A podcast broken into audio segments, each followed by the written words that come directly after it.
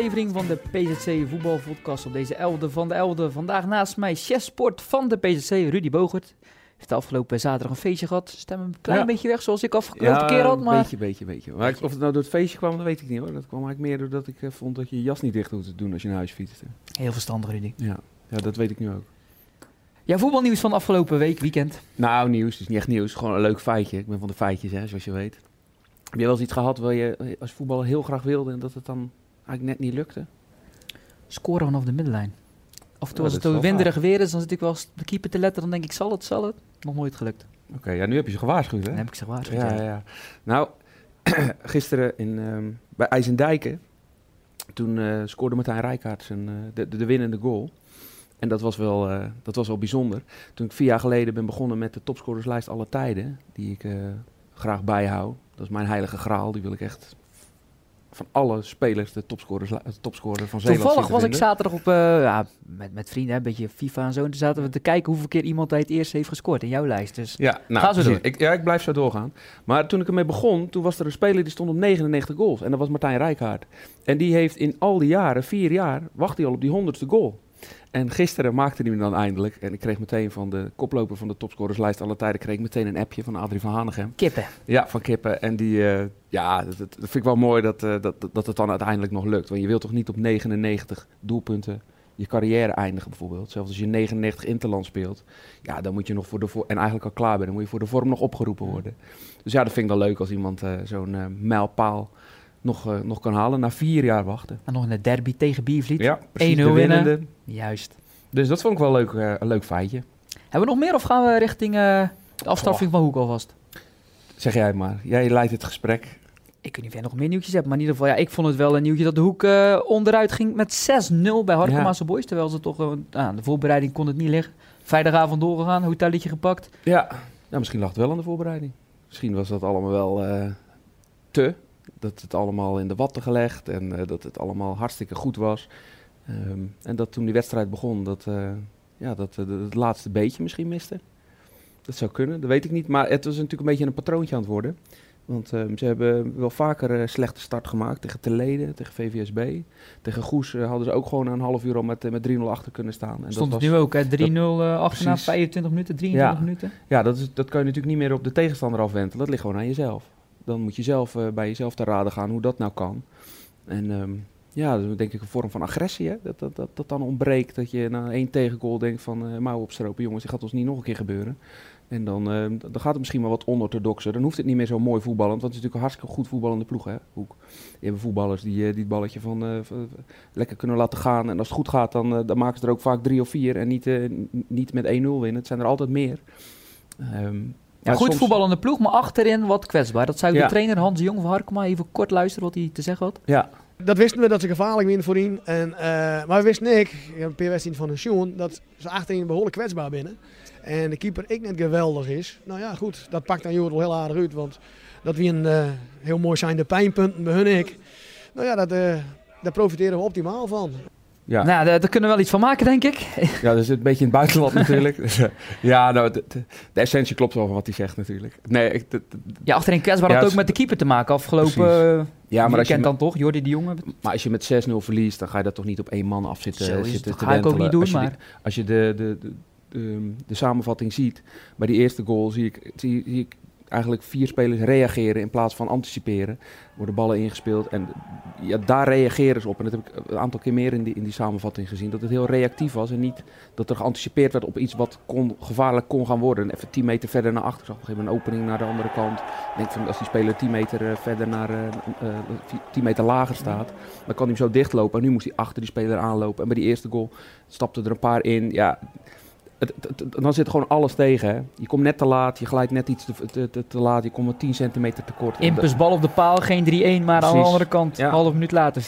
Bij 1-1 bij 1-0 achter hadden ze ook nog een kans, zag ik.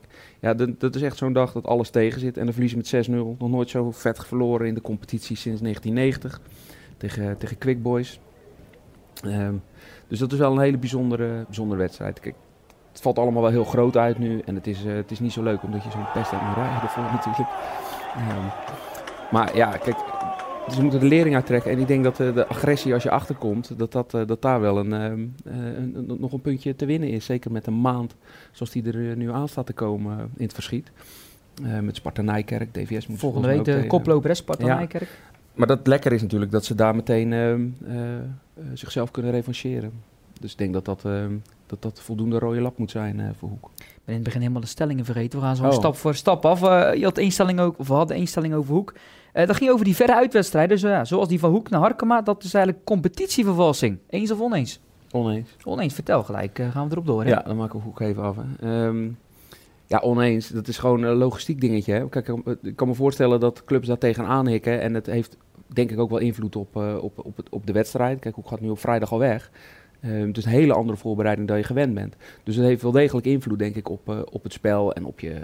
Ja, ja Sneek moest afgelopen maand ook naar Hoek. Was volgens mij ook 4-0. Was ook redelijk, redelijk snel beslist. En naar Goes zijn ze ook geweest.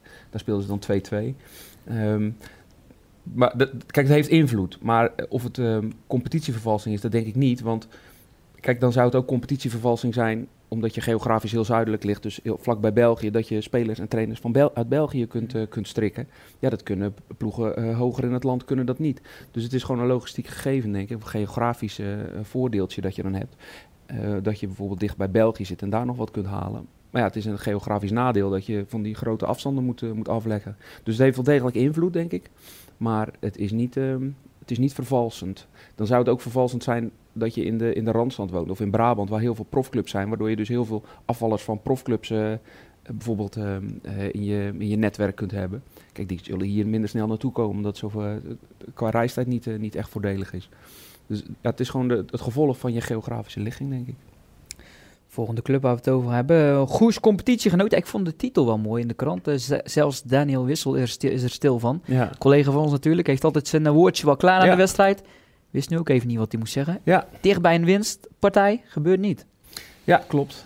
Um, het zat er ook wel degelijk in. Ik heb de eerste helft gezien, moet ik zeggen. Toen, toen moest je naar het feestje, zeker? naar het feestje, ja. inderdaad. Stonden ze op me te wachten. Um, ik heb de eerste helft gezien. Toen zag het er eigenlijk niet naar uit dat ze, dat ze daar wel eens even zouden gaan winnen, moet ik eerlijk zeggen. Toen uh, vond ik Lisse echt veel beter. En ze hadden wel, ja, na een halve minuut had Steve Schalkwijk een waanzinnige kans. Daarna was er nog een uh, uh, goede steekbal vanaf het middenveld kwam hij ook voor Schalkwijk. Hadden die keeper uh, die kwam, e-, die kwam echt goed uit zijn goal, Cummins. Oud-profkeeper van, uh, van Go Ahead. Die scoorde wel ooit van eigen helft? Kan je van leren. Um, dus dat waren de twee wapenfeiten eigenlijk in de eerste helft. Maar dat ze het in de tweede helft zo oppakten. Steve Schalkwijk scoorde. Dat is ook een leuk feitje. Weet je wie de laatste speler is die buiten Schalkwijk die gescoord heeft voor uh, Goes in de competitie? Hmm, Daniel Wissel. Pingel tegen Hoek. Dat is de laatste goal van Goes Ehm, in de competitie niet van Schalkwijk. Dus dat zegt wel iets, hè? Dat is al even ja, Ze hebben wat, uh, Pennings nog trainer. Ja, exact. Um, dus ze zijn wel heel erg afhankelijk van hem. Dat zag je, dat zag je zaterdagavond ook wel. Vooral in de eerste helft. Ze zoeken hem continu met zijn snelheid. En dat is natuurlijk een levensgevaarlijk wapen. Um, maar zal ze Keun nog een beetje moeten krijten. Hè? Zal wat uh, effectiever moeten zijn, denk ik. Maar ik vind die samenwerking, wat ik dan in de samenvatting zie tussen Wissel en Schalkwijk, vind ik wel leuk. Ja, klopt. Ja, Wissel zetten heel veel, uh, of hele, hele verstandige ballen, slimme balletjes tussendoor. Even vasthouden als, de, als je weet dat er lopende man komt en dan nog even op het laatste moment geven. Echt heel goed. Maar ze zullen gewoon wat effectiever moeten worden hè, voorin. Want de kansjes die waren er zeker. En ook in de tweede helft vooral, hè, toen ze 1-0 voor stonden, had ze echt totten van kansen.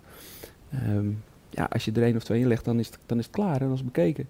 Dus daar zullen ze, een, uh, daar zullen ze toch wel wat stapjes in moeten Gelukkig hebben de concurrent ook punten laten liggen, dus uh, nog steeds voorlaatste. Um, de stelling die met Goes te maken heeft. Daan Eickhout is een goede keuze van Goes als trainer. Nou, daar ben ik mee oneens. Ja, wat we riepen hier vorige week, Barry en ik, Barry van de Hoofd, van ja. ja Arie, van der Zouw worden. Ja.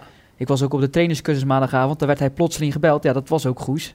Uh, hij moest er even weg, hij moest het opnemen. Wij gingen er allemaal vanuit van, ja, het kan en kruiken. Ja, ik, ik, hoor natuurlijk heel veel in de wandelgangen. Het zou uh, een financiële kwestie zijn. Zou, uh, hij zou een lange contractduur willen hebben dan tot dit seizoen. Ja, wat ook zei, hij is niet geworden. En ze hebben nu uh, Daan Eickhout aangesteld als interim. En Kijk, dat ze hem aanstellen, dat is ontzettend begrijpelijk. Want het is wel het is een trainer die in de cultuur zit van uh, dezelfde filosofie handelt als, uh, als Veenstra. Zijn ook vrienden?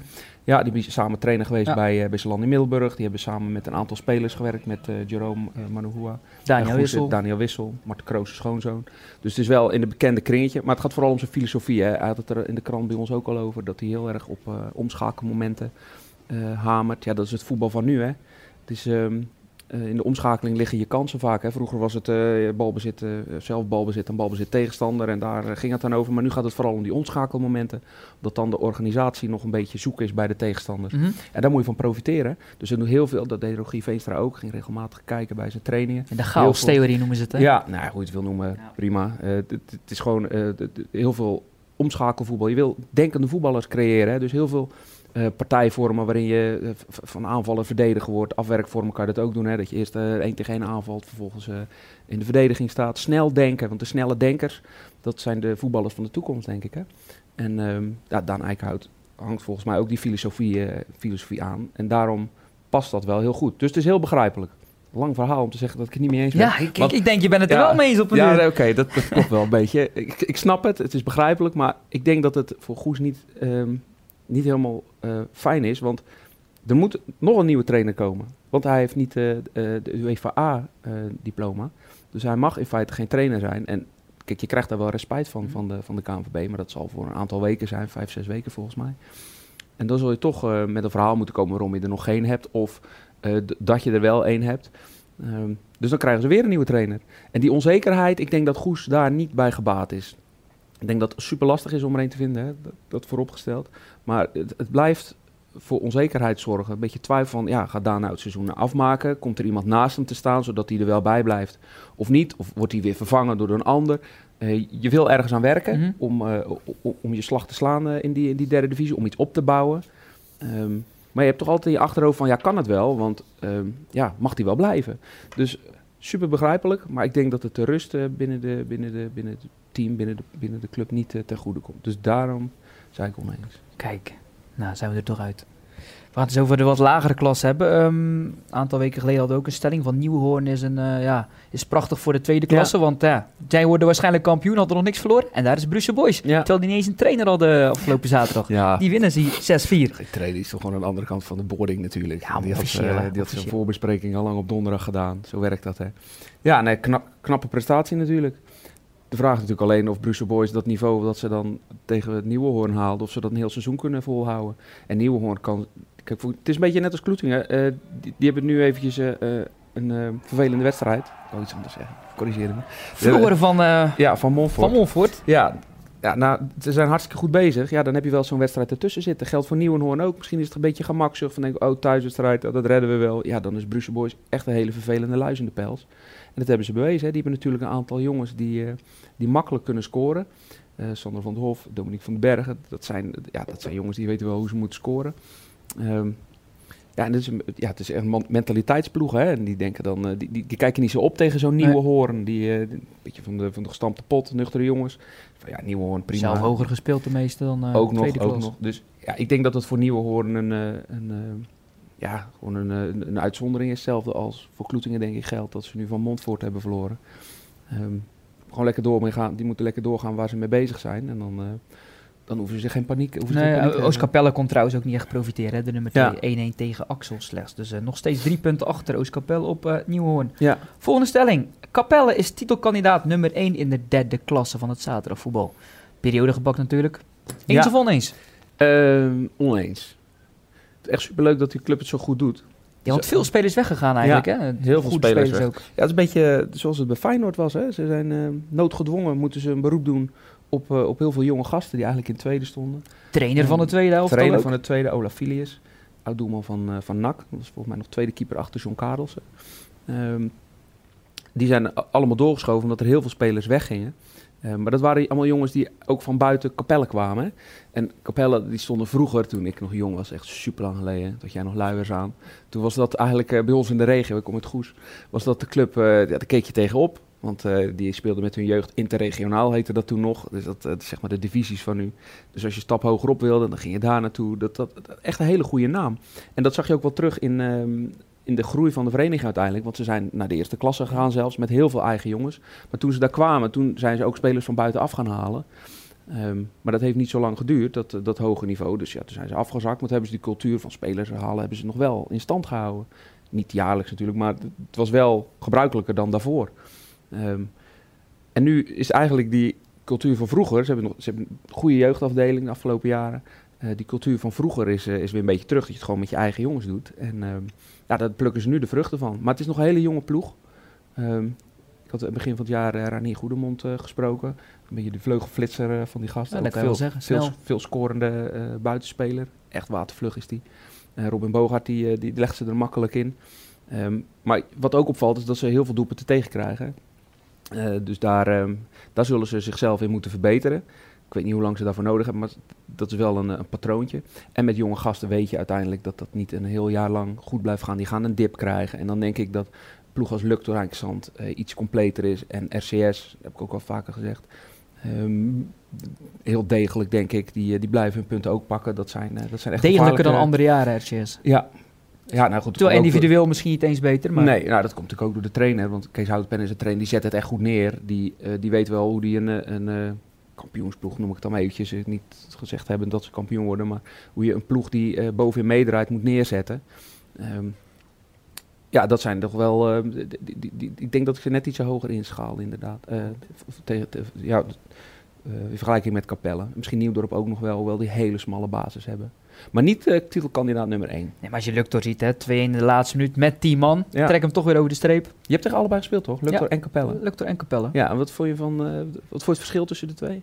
Uh, kijk, tegen Luctor wonnen we wel, tegen Capelle niet. Maar Luctor is wel, vind ik, volwassener als ja, ploeg. iets completer. Completer, ja. ja. Kunnen altijd een wedstrijd beslissen. En Capelle is toch afhankelijk, vind ik, van vooral één man. Dat is bij Luctor wat minder. Ja, Kijk, we gaan het over drie, vier maanden nog eens over hebben. Goed. Dat is heel goed. Ja, en maar het blijft wel een, een leuke klas ook. Als je GPC tegen Beverlanden ziet. Ruststand 3-0, eindstand? 3-4. 3-4. Ja. Kijk, derde klasse. Derde klasse zondag heel even ook behandelen, want ook een hele gekke competitie ja. jaar acht ploegen waren nog kansrijk voor eh, de periode hè, dit weekend. Dat is wel heel bijzonder. En Filipijnen die stonden ook met drie punten achter op de koploper. Dus zou je zeggen, die hebben ook nog kans zelfs als negende ploeg op die periode. Maar doordat de twee ploegen boven hen tegen elkaar speelden, waren zij dan niet kansrijk. Mhm. Maar dat zit natuurlijk waanzinnig dicht bij elkaar. Ik had zojuist nog even gekeken. De eerste elf staan ook binnen vijf punten van elkaar. Echt bizar. En HVV was ook nog kansrijk, terwijl die... Ja, hij begon het seizoen dat ik een verhaal moest maken voor de krant... dat ze tegen degradatie zouden gaan vechten heel even. Ja, maar dat kan nog steeds zijn, omdat het zo dicht bij elkaar ligt. Mhm. En bij HVV, die, uh, dat is wel een opvallend patroon. Ik ben van de patronen, weet je. Opvallend patroon, die hebben uh, na de eerste helft nog een enkele keer achter gestaan. Maar in de tweede helft gaat het op de een of andere manier... Uh, stroperiger gaat het mis. Misschien een conditioneel dingetje, dat zal de trainer vast ontkennen. Ik las vandaag ook dat hij uh, dat hij precies verteld had wat ze in de tweede helft moesten doen, maar dat ze eigenlijk precies het tegenovergestelde deden. Um, dan durf ik nog steeds wel te zeggen dat het misschien een conditioneel dingetje is. Want ja, als je moe bent, dan ga je concentratie verslappen. Dan ga je, dan ga je de makkelijke keuzes nemen in plaats van de wat uh, moeilijkere keuzes. Um, dus uh, ja, die hebben gewoon een, probleem in de tweede helft op te lossen. En uh, dan denk ik dat ze niet zozeer tegen degradatie hoeven te voetballen. Die derde klas houden we in het oog. Um, Ik kon nog even over de vierde klas hebben. Daarna nog even twee stellingen. Maar ja, vierde klasse, we hadden een wedstrijd gefilmd. MZVC. Silandia Middelburg, natuurlijk uh, de derby daar. Ja, Jacques Blijlevens, groot verhaal ook uh, met de trainer van MZVC deze week in de krant. Gaat gelukkig wat beter uh, Mooi, met hem. Ja, leuke wedstrijd hè. MZVC is een beetje gevoelig. Um, in het begin van deze eeuw heeft MZVC zich in feite afgescheiden van Middelburg, het toenmalige Middelburg. En um, ze zijn eigenlijk gewoon weggeduwd bij Middelburg. Dus dat is altijd wel wat oud zeer. En ehm, dat is MZVC geworden. Een jaar later is Middelburg gefuseerd met Zelandia Middelburg. Um, en zijn, het, uh, ja, zijn ze op twee, twee borden gaan schaken. Maar uh, sinds dit jaar zitten ze op hetzelfde bord. Allebei in het zaterdagvoetbal. En dat is natuurlijk wel typisch. Uh, dat ze nu allebei in de, in de vierde klasse spelen. Ja, heel typisch. Het, niveauverschil is er natuurlijk wel. Want Zelandia Middelburg die heeft natuurlijk de ambitie om de tweede klas misschien nog hoger te halen uiteindelijk. En voor MZVC zal dat, geldt, geldt daar iets anders voor. Dat, ja, dat, is gewoon een, heel, een club met een hele andere signatuur. Die hebben, die hebben alleen senioren bijvoorbeeld. Die hebben volgens mij vijf senioren elftal en geen jeugd. Vier, maar kan ook nou, vier of, Maar geen jeugd. Mm. En Zeeland in Middelburg is natuurlijk wel een club die daarop inzet. Um, dus het zou ook heel logisch zijn. Het zit op hetzelfde complex. Ze spreken eigenlijk dezelfde doelgroep aan. Eigenlijk zou je zeggen, waarom zitten die niet samen? Mm. Um, maar goed, ik snap de gevoeligheden heel goed. Ik heb zelf, zat ik bij Middelburg zaterdag toen ze, die, uh, toen ze eigenlijk weggeduwd werden door uh, Middelburg. Bij die ledenvergadering was ja. ik ook aanwezig, mocht ik ook stemmen. Um, en ja, dat is een beetje, dat, dat is nog wel oud zeer. En ik weet niet hoe, in hoeverre, hoeverre dat nu nog leeft, maar ja, als je er sec naar kijkt, is het raar. Maar als je de gevoeligheden kent, dan, uh, dan begrijp je het wel. Maar ik vind het wel geinig dat ze dan nu tegen elkaar spelen. En dat, uh, ja, dat zal niet uh, elk jaar meer gaan gebeuren, verwacht ik. Maar mooi dat, dat, dat, dat er zo'n wedstrijd dan tussen zit. Hè? De periodes zijn een verrijking in de competitie. Eens of oneens? Um, periodes, ja, ik denk het wel. Wat ik wel vind is dat ze misschien wat, ehm, dat er misschien wel meer mogen zijn. Want het is nu een periode van uh, 8, 9, het gaat over 8, 9 wedstrijden. Hè? En misschien is het wel geiniger om uh, wat, de periodes wat korter te maken. Dan heb je wat meer periodekampioen, dat snap ik ook wel. Maar dan maak je een competitie denk ik nog dynamischer, nog, uh, er is nog meer om voor te spelen. Hoe dat dan ingevuld moet worden, dat is natuurlijk vers 2. Maar als je een grotere spanningsboog wil hebben, ook voor kleinere clubs die uh, misschien al uh, na, na tien wedstrijden eigenlijk nergens meer voor spelen. Maar als die een keer een goede, een, goede serie hebben, dat ze dan ook nog ergens voor kunnen spelen, dan hou je... Dat is het leuke aan de, aan de keukenkampioen-divisie natuurlijk, hè? Ja. Dat je dat, dat ja, nou, dat, spanningsveld die, maar die hebben, er vier, die hebben er vier volgens mij in een competitie van 34. Maar het aardige daarin is natuurlijk dat, dat er ook nog vier ploegen aan het einde van de competitie een periode, of de na-competitie, mm. of de play-offs uh, heten die in mogen. Dus die spelen niet zozeer voor die na-competitie, voor die play-off, voor een periode, maar voor een plaats in de eindstand. Maar het geeft wel uh, extra dynamiek aan een, uh, aan een competitie. Dus uh, periode is hartstikke leuk. Uh, hoewel Kloetingen er denk ik niet zoveel aan heeft nu. Die, dat is natuurlijk ook wel een dingetje. Hè? Kloetingen die wil gewoon een kampioen worden naar de hoofdklasse gaan. Dus zo'n periodetitel, ja, dat is een leuk tussenstation. Maar dat vinden ze verder niet zo heel interessant. Stok achter de deur. Precies. Maar voor Capelle bijvoorbeeld, die hebben niet de uh, directe ambitie om kampioen te worden. Die denken, uh, jonge ploeg, over twee, drie jaar, dan zijn we er wel eens aan toe. Uh, die vinden het gewoon een heerlijk toetje op dit moment. dus het, het, heeft ook een beetje een andere lading voor, voor verschillende ploegen.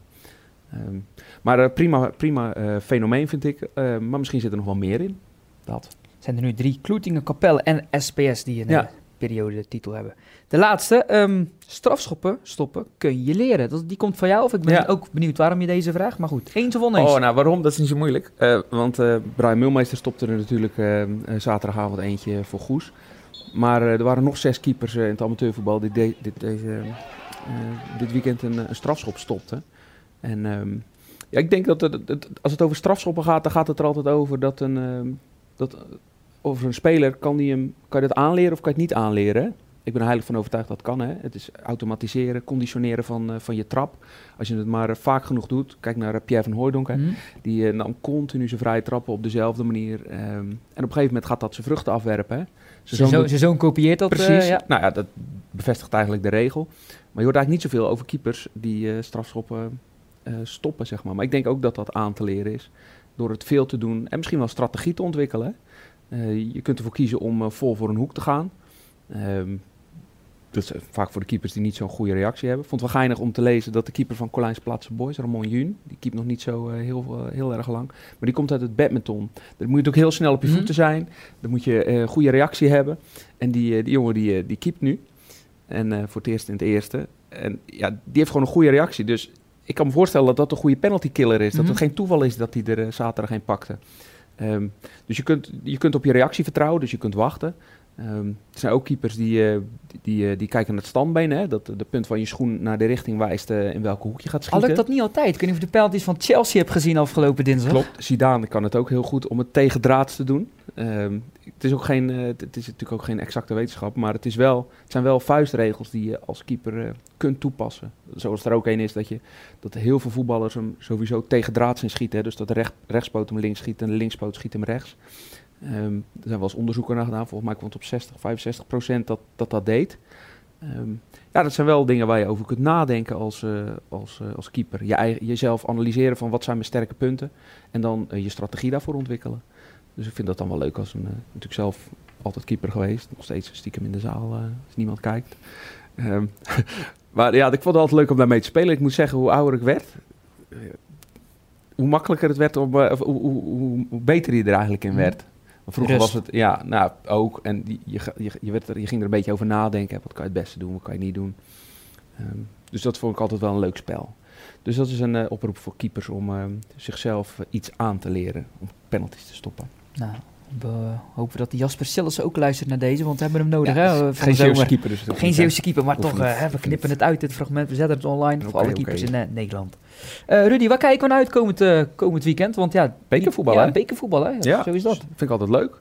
Alles of niks, daar hou ik wel van. En dan is het altijd leuk om de kleintjes tegen de wat, wat grotere te zien. En Tolense Boys moet niet boos worden als ze een kleintje noemen, maar die spelen tegen Kloetingen.